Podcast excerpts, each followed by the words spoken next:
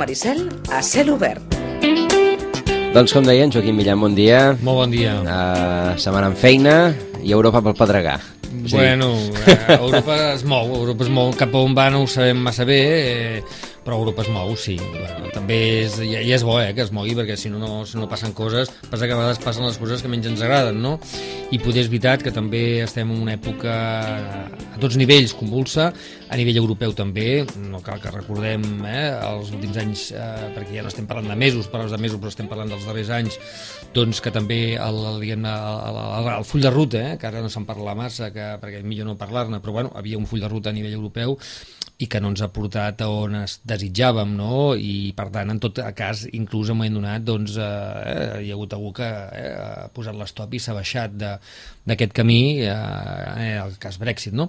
Eh, bueno, veurem també cap on, cap, on, cap on anem, però jo penso que estem també en una època on a nivell polític eh, falta nivell, falta generositat, falta solidaritat, falten moltes coses, eh, la política ara en aquests moments es veu molt a, a curt termini, eh, què passarà demà, demà passat, perquè la setmana que ve vés a saber, i això ho veiem a tots nivells, a nivell europeu, que és un gran error perquè a nivell europeu haurien de tindre una mica l'amplitud de mires i una perspectiva molt més àmplia perquè, vull dir, evidentment aquí estem parlant d'un conjunt d'estats 28-27 eh?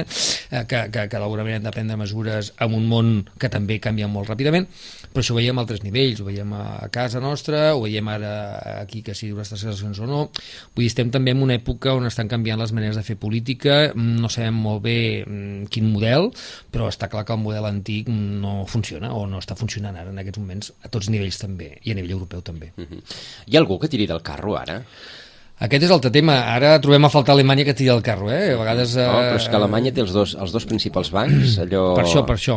El Caire. Per això trobem a faltar que abans criticàvem molt que Alemanya tirava el carro, o com a mínim donava aquesta sensació, que sempre jo he pensat, bueno, era, això era molt fàcil dir, això ho diu la Merkel. Bueno, sí, ho diu la Merkel i als altres ja els hi va bé. Que no fa, fa temps que no parlem de la Merkel. Exacte, exacte, per això. I ara la trobem a faltar, no? Estaria bé que la Merkel digués alguna cosa o fes veure que digués alguna cosa perquè com a mínim ens donaria la sensació de que a, Alema, a, a Europa hi ha algú que pren decisions i que sembla que té clar cap on volem anar, eh? Però de baixa no està, és a dir, deu anar a treballar cada dia. No, sí, sí, però vull dir que ens trobem amb però això. no ens no? arriba. No ens arriba, o per, per exemple, fa poc estàvem parlant de la cimera, la darrera cimera a Bratislava, doncs que, que, que la gent ni sap que s'ha produït, abans teníem aquella fotito el dia següent, hi ha hagut la cimera del lloc, s'han pres aquestes decisions, allà tothom de peu a la foto i ens donava la sensació que s'havia generat una, s'havia fet una cimera europea on es havien pres grans decisions, que ens afectaria els ciutadans, i això els mitjans ho comunicaven, ho explicaven, i la gent en parlava. Ara l'última cimera ni, ni, ni la gent ni s'ha entrat. Bueno, s'ha entrat perquè un moment donat el Rajoy poques coses que fa en quant als mitjans de comunicació, una de les rodes de premsa les va fer allà. I què deu fer allà el Rajoy? Ah, és que hi ha una cimera europea. Ens hem enterrat de retruc, però no perquè realment sapiguessin que havia aquesta cimera eh, on s'estaven prenent decisions que teòricament ens tenen que afectar com a ciutadans i ciutadanes europees la primera, els temps. No? La primera sense els britànics, a més. Per exemple, no? -huh. I, I per tant, eh, això ni... Nosaltres perquè ho parlem aquí al programa i perquè, bueno, a mi perquè m'agrada i tu perquè com a periodista també, doncs, doncs ho sabem més o menys i tal, i ens enterem però ha passat desapercebut totalment i la gent inclús li importa un pito molt bé ara mateix eh, si es prenen decisions no es prenen decisions que també és un altre problema eh, perquè que hi ha aquesta decidia de, no només a nivell europeu sinó a qualsevol altre nivell jo el que veig és això, no? vull dir que Europa es mou poder no cap a la direcció que ens agradaria els que creiem realment que el projecte europeu és un projecte que eh, ben portat doncs sempre aniria a, a fi de bé eh, perquè ens entenguem com diu a vegades el Vicenç no? a fi de bé, eh?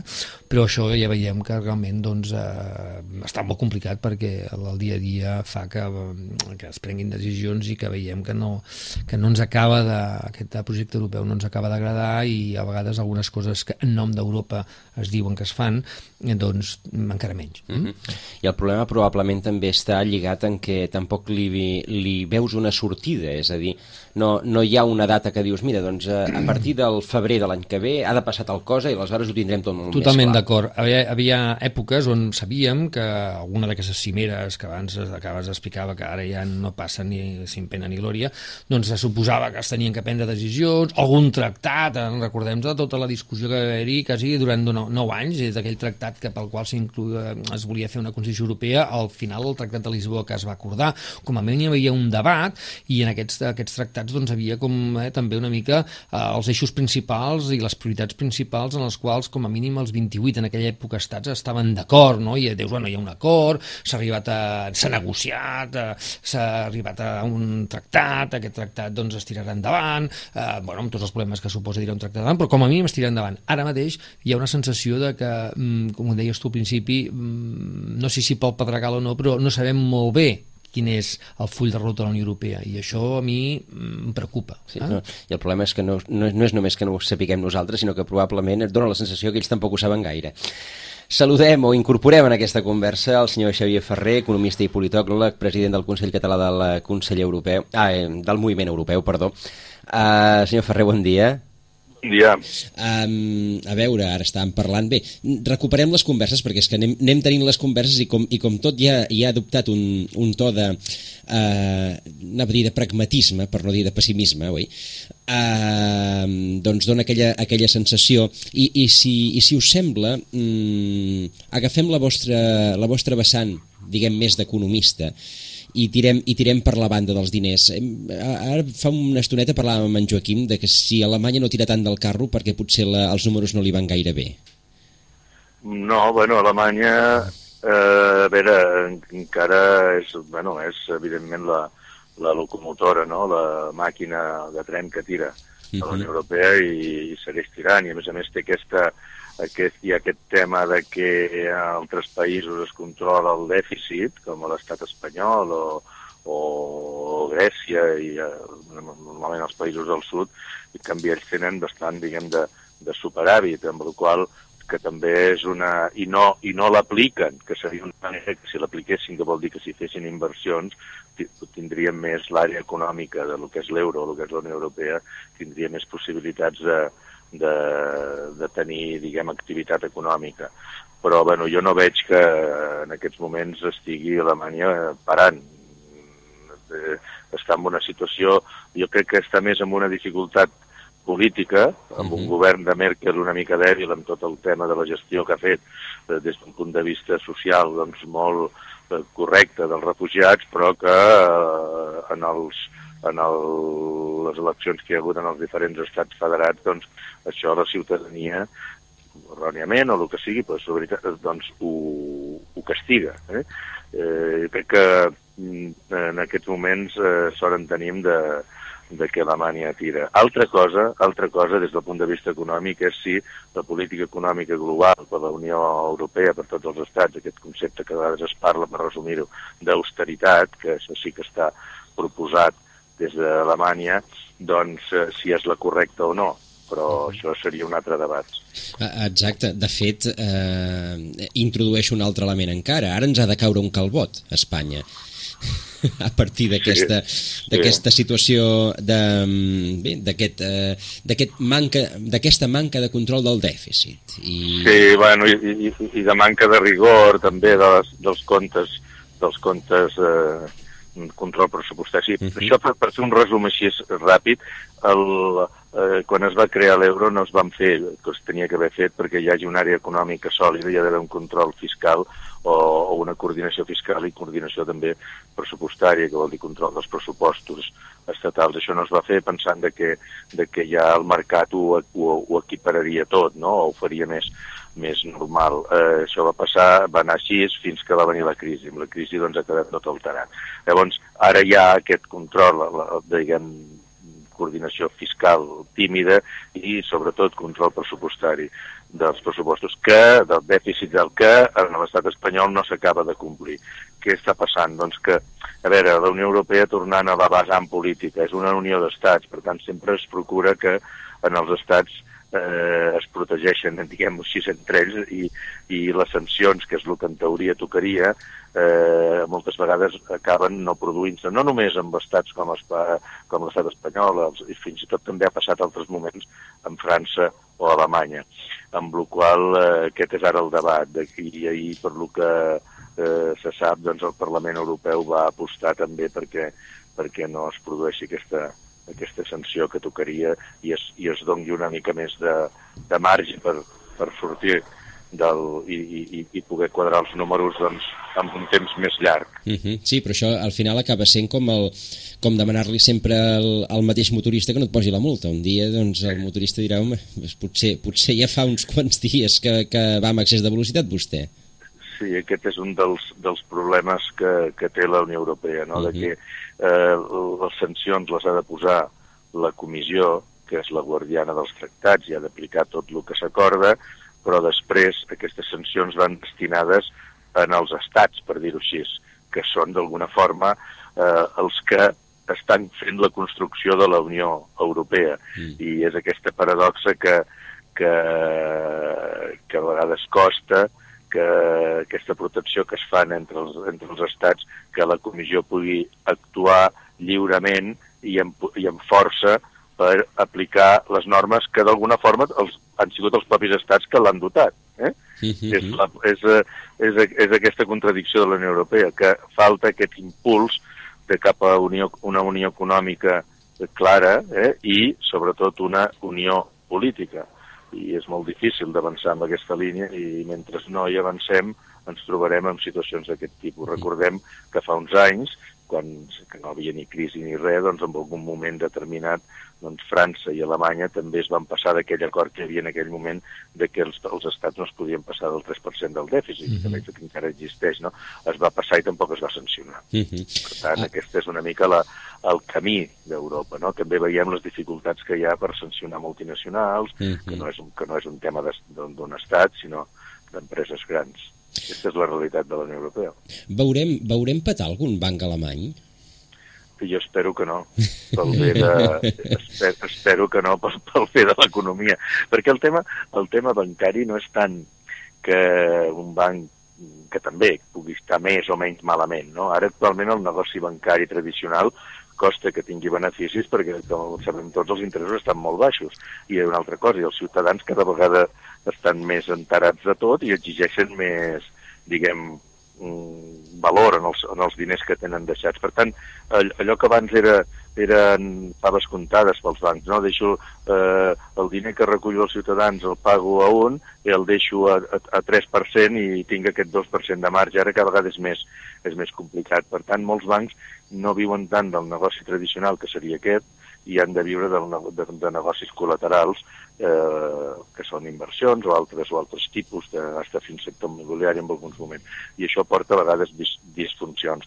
Esperem que, eh, que a vegades, o sigui, eh, no és que estiguin tan malament, sinó que, que quan es comença a comentar la por del diner és tan gran que es fa una bola i, eh, i al final la situació es genera que com una situació de por i pot enfonsar eh, una entitat, no?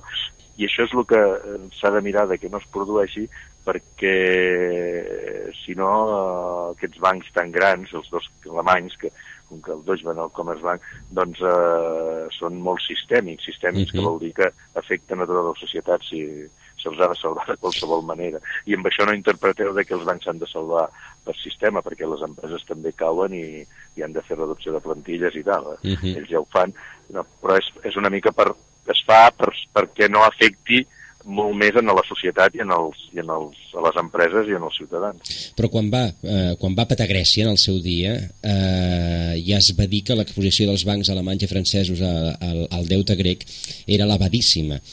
No podem sí, estar però, ara... No, perquè això, això eh, la, la gestió de, de la crisi grega eh, poder va passar una mica desapercebut, però d'alguna forma es, es va donar, diguem, per entendre'ns, molt diner públic a, a Grècia eh, i d'alguna forma els bancs, es van, els bancs alemanys aquests van desinvertir en, en el que era eh, la inversió a Grècia. No, uh -huh. no crec que sigui la, la causa. D'acord. de, no, no, no veig la causa. A part de que tampoc és tan... L'economia grega és un 2% de la Unió Europea i la, la inversió que poguessin tenir els bancs, els bancs alemanys a Grècia no, no els hauria de fer trontollar. És un altre tema més de, de, de falta de, de beneficis o de- Mhm. o d'inseguretat, diguem, en la pròpia Alemanya. És a dir, és, és de viabilitat del negoci bancari en si. Bueno, jo, clar, aquí un, potser parlaria amb algú altre us diria una altra cosa, no? No, no, no, no és un exercici matemàtic. Jo hi veig que, que, que aquest és un, una de les causes i després, doncs, també, es, al final, l'economia o sigui, es barreja també amb la situació política i actualment, doncs, Alemanya políticament no està tan forta com estava fa 7 o 8 anys, no? I a partir d'aquí, doncs, es, es generen una, unes disfuncions. Jo crec que, que pel bé de tots i per la importància que té això, això no... Per la importància que té per la pròpia Alemanya, la ciutadania alemanya i, la, i europea, es farà el que sigui perquè aquests bancs no, no, no, no, no entrin en, en, en problemes, no? I que, Mhm. que puguin afectar la societat. Um, canviant de, de, de costat, passem al canal de la Mànega. Uh, els britànics uh, sembla que vulguin uh, retardar en certa, en certa mesura l'hora l'hora de marxar i Brussel·les diu no, no, aquí hem, aquí hem de posar-la ja la data. Uh, com, com, es, com gestionarà uh, sense ofegar-se la Unió Europea la marxa de, de la Gran Bretanya? Bueno, sense ofegar-se la Unió Europea o sense ofegar-se el Regne Unit, eh? Ah. són dos, eh, aquí. Eh, jo crec que, i té, per mi, eh, té més a perdre un cop decidit això, la Brexit, i, té, i eh, els que poden quedar més afectats eh, a curt termini és el Regne, el Regne Unit que ja hem vist ara que la, la primer ministra May ha dit que ho farà o gestionarà el mes de març, això no, l'article 50, que vol dir que s'activaran les negociacions. I volen fer una negociació, diuen ells, dura, de trencar ràpid i tal.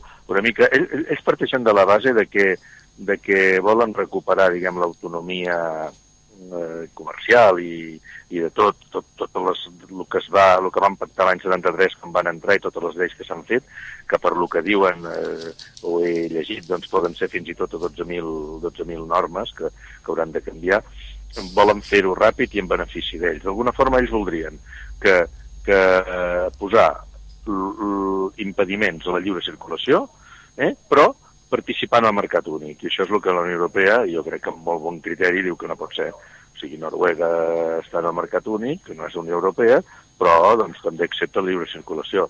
El que no pot ser és de- d'una àrea doncs, només eh, voler els beneficis i el cost que se'l quedi la, dels altres. Sí, de fet- I, per tant, això apunta que la negociació serà molt dura. De fet, els noruecs, eh, si no recordo malament, eh, deien després de, la, de que es fes públic ja la sortida del Brexit que els britànics eh, aprendrien el que, el que vol, vol dir viure amb, amb una independència, és a dir, haver de transposar ben bé eh, gran part de la normativa europea a la legislació eh, del país sense poder participar en l'elaboració Sí. d'aquesta legislació.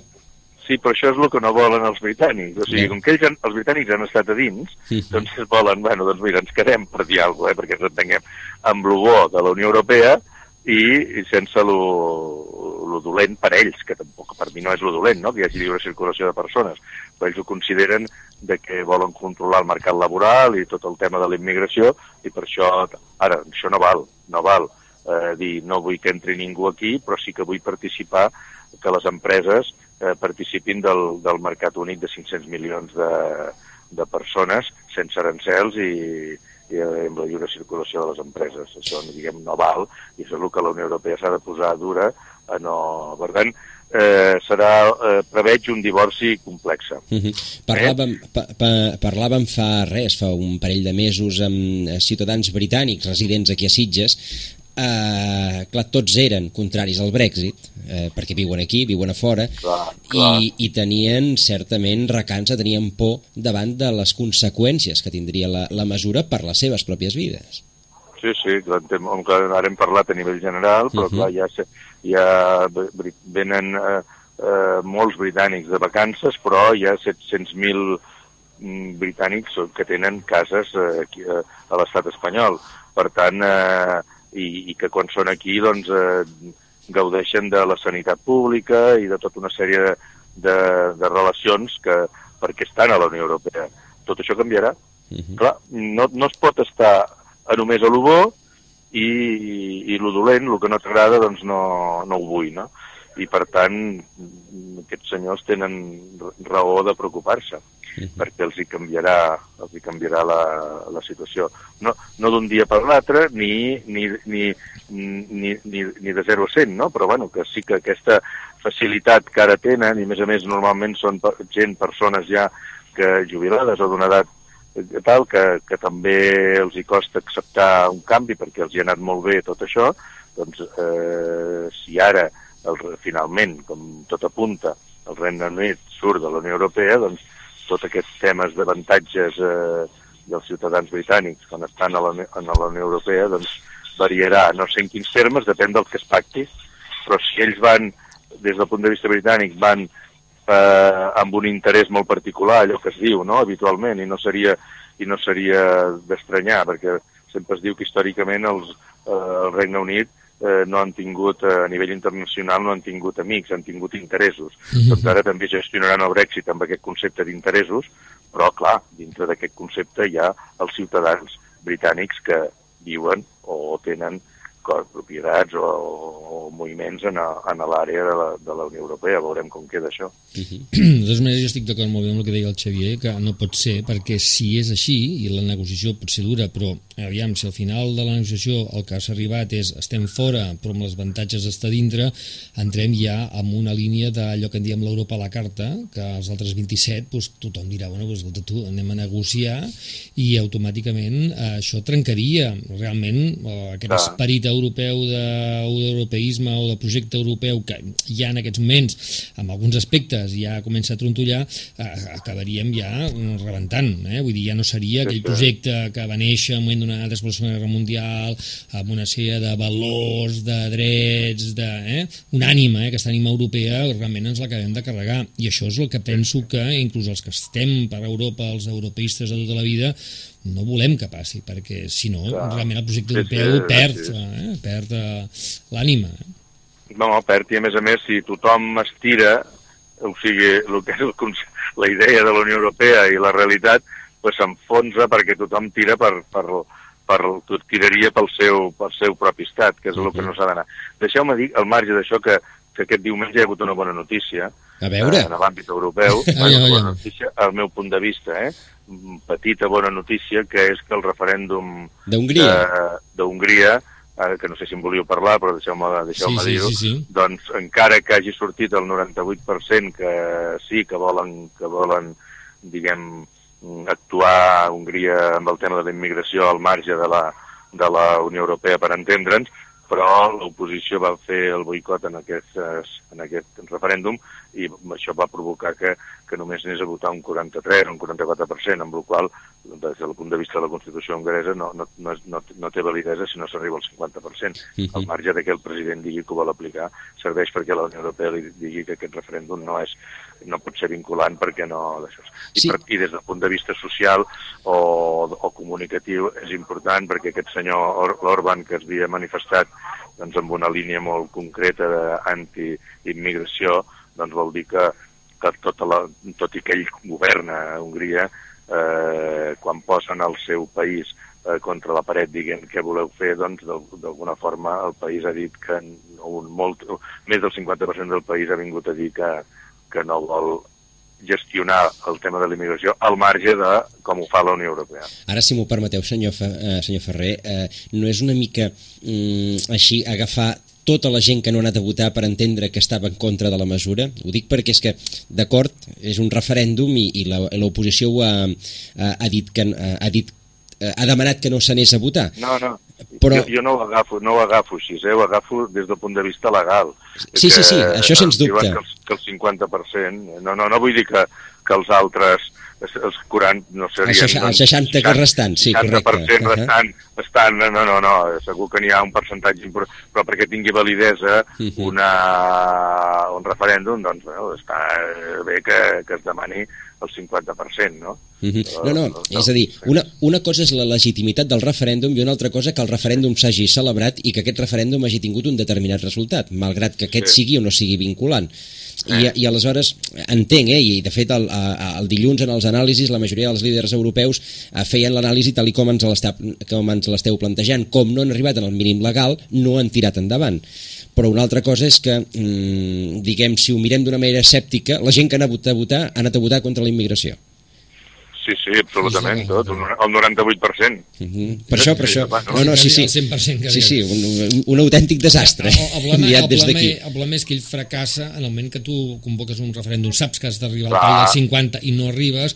I no ja és mobilitzes, una, clar, i és no una, mobilitzes. no és una qüestió tan del contingut que era el tema d'immigració, si és un tema diguem-ne polític, és a dir, és que és a dir, no, no, el país no el tens en tu perquè hi ha hagut gent que només per fer-te la punyeta no ha anat a votar, que igual hagués anat a votar amb el 98% d'acord, eh?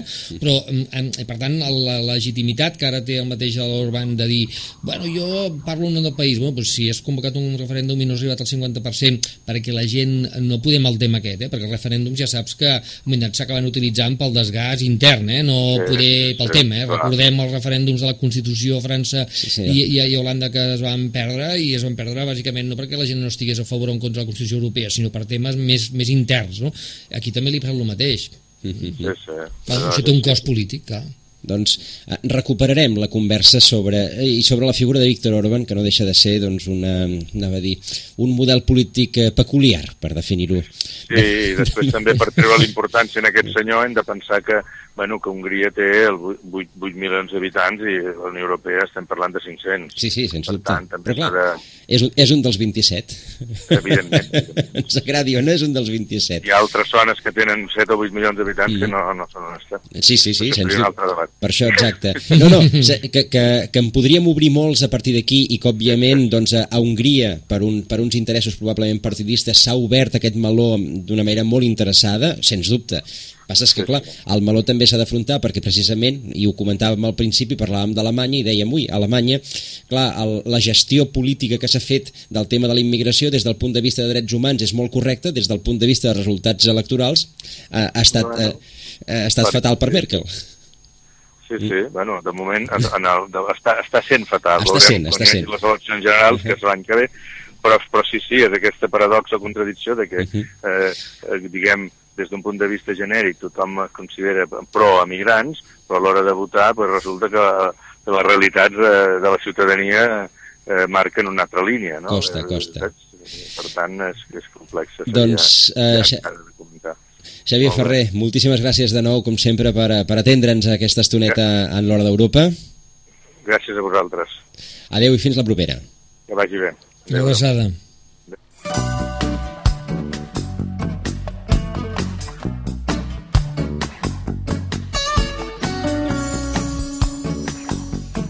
Anàvem, anàvem a treure el tema d'Hongria amb, eh, amb el nostre següent tertulià, amb el senyor Albert Balada, però en qualsevol cas doncs, també ha anat bé que en par pogués parlar Xavier Ferrer, perquè el tema, el tema d'Hongria, el tema de, de Víctor Orban i com està desfent la part que li interessa de les costures de la Unió, perquè clar, la, la qüestió dels ajuts no la posa en qüestió. Posa en qüestió doncs, la part de la, eh, de la immigració i com doncs, atiant aquesta, eh, aquest nacionalisme eh, entès d'aquesta manera doncs, pot eh, provocar eh, malgrat que sap que això la Unió no li permet, doncs ell provoca i, i com està dintre, eh, com a mínim la, la partida la té, la té certament, certament guanyada. Ja tenim a l'altre costat del fil telefònic un altre dels nostres eh, col·laboradors habituals en aquest espai de l'Hora d'Europa, el politòleg, historiador eh, Albert Balada. Albert, bon dia. Molt bon dia. I bé, eh, parlàvem fa unes, un, res, una estoneta amb Xavier Ferrer eh, i ens treia el tema d'Hongria, el referèndum d'aquest cap de setmana i com doncs, eh, un mm, doncs, eh, responsable polític d'un país membre de la Unió pot tensar les costures fins i tot convocant un referèndum contradient les, propres, les pròpies regles de la Unió sense que en principi li passi res. Uh, bueno, jo no sé el que haurà dit el, el col·lega Xavier Ferrer, però uh, jo segurament de discrepar el que ell pensa, A veure, eh? perquè, per, us explicaré. Uh, amb el cas de la, la qüestió dels, eh, no refugiats, sinó dels migrats, o de, diguem, dels migrats que volen entrar a la Unió Europea, la Unió Europea no té competències. Llavors, per tant, el que va fer, va fer eh, una reunió del Consell i va emetre una recomanació als països. L'expressió és recomanació.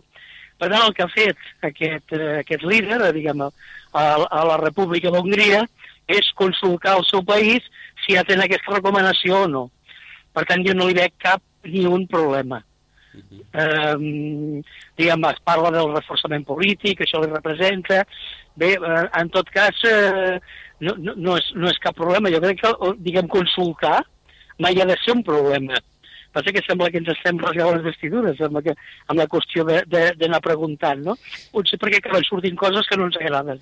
Primera aquesta i segona que després, com hi ha unes normes que han, que han de marcar el resultat de la consulta, resulta que si no va votar el 50% la consulta no és vàlida. Ah, no, no és exactament així. Ja, ja. Uh, A veure. a veure de- d'entra- d'entrada, els referèndums en general uh -huh. no són vinculants mai. És a dir, eh, es, es consulta i a partir d'aquí eh, el, els responsables governamentals són els que prenen la decisió. El, en el cas d'Hongria, eh, que de fet la seva Constitució és de 1995, si no m'hi vull equivocar, eh, ells agafen ja un model nou que és eh, un, un, un perfil suís, per dir-ho d'alguna manera. Vol dir que el referèndum es converteix en vinculant eh, si supera el 50% i per tant s'han d'establir mesures legislatives d'acord amb la consulta que s'ha fet, que és el model de referèndums suïssos.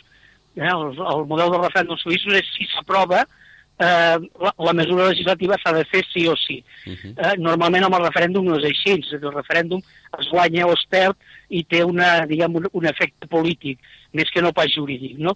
Eh, aquesta és la confusió a la que s'ha jugat, en aquest cas, en el cas de- d'Hongria. És a dir, no estàvem parlant eh, d'una qüestió legislativa, sinó que estem parlant d'una consulta que fa el govern a la seva població.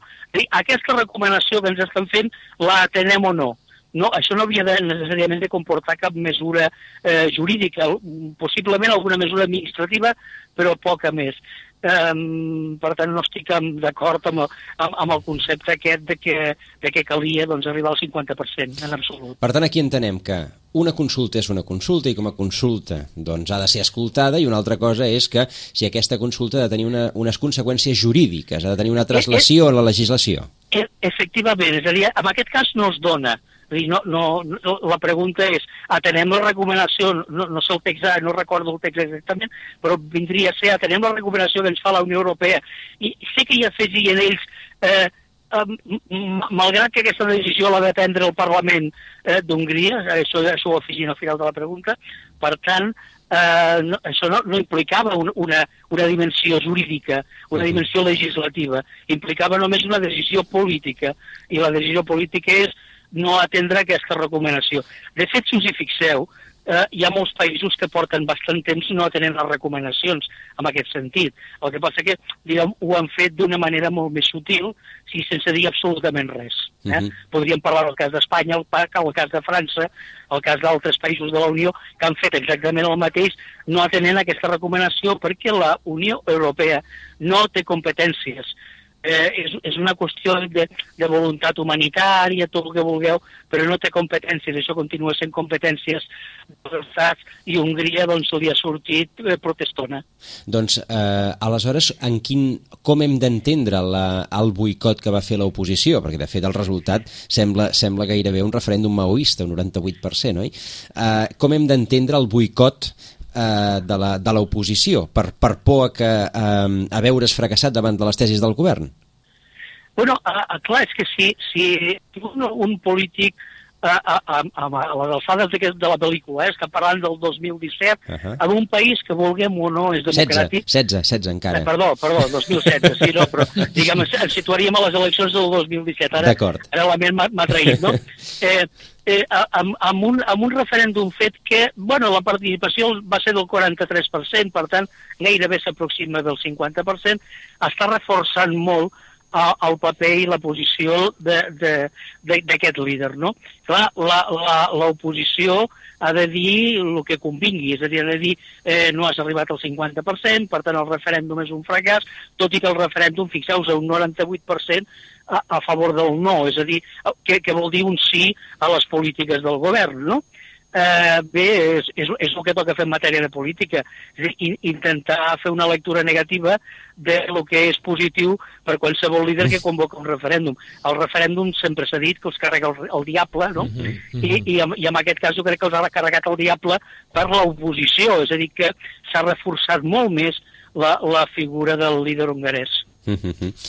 Ah, Curiós, eh? És curiós, però és veritat que Uh, fins a cert punt, uh, a nivell extern, uh, a nivell de Unió Europea, ens dona la sensació que justament ha sigut tot el contrari, vull dir que l'Orban doncs, va, presenta un referèndum, sap que ha de treure el 50% per uh, treure pit i no arriba, i per tant ens dona la sensació que internacionalment perd pes, però la versió que ens està explicant ara l'Albert és interna, és de consum intern, i és veritat que consum intern, doncs és clar, si tu convoques un referèndum, el 43% de la gent que va votar, quasi aquest, eh, vol, dir el, el 42, com a no sé què, eh, et dona la raó, home, déu-n'hi-do, eh, que ara les properes eleccions internament tu ja has, tret pit suficient com perquè l'oposició, l'única manera que ha tingut, com que anava a perdre el referèndum, és fer campanya perquè la gent no anés a votar, no perquè anés a votar a favor, en contra, en blanc, en negre, en colorau, sinó no vagis a votar per aviam si logrem com a mínim que no arribi al 50%, ja tenim una versió per explicar, no?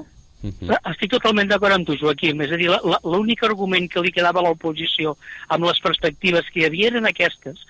Eh, però, però clar, mm, diguem, a, encara, encara que hagi, no hagi anat a votar doncs, el, el 57% de la població, um, si t'hi fixes, la, la, la majoria de governs amb majoria absoluta de tot arreu d'Europa Mhm. no acaba assolint ni el 30%. Està I el, clar, té, clar. I el tenen majories absolutes. Per tant, si tu amb un referèndum fas una pregunta clara, recordem-lo de les preguntes clares que s'han de fer referèndums, no? I respostes clares, sí o no, i, i es reforcen amb un 98% d'aquest 43%, eh, jo crec que el líder hongarès pot estar content. Eh, i, i, I a nivell de Unió Europea, si us hi fixeu, la, la resposta també ha sigut molt, molt tènue, recordant que la, la normativa comunitària està per sobre de la, de la normativa dels països i han afegit dir amb aquelles matèries que estan transferides, Correcte. però, però poca cosa més, poca cosa més perquè cos, poca cosa més pot fer la Unió Europea.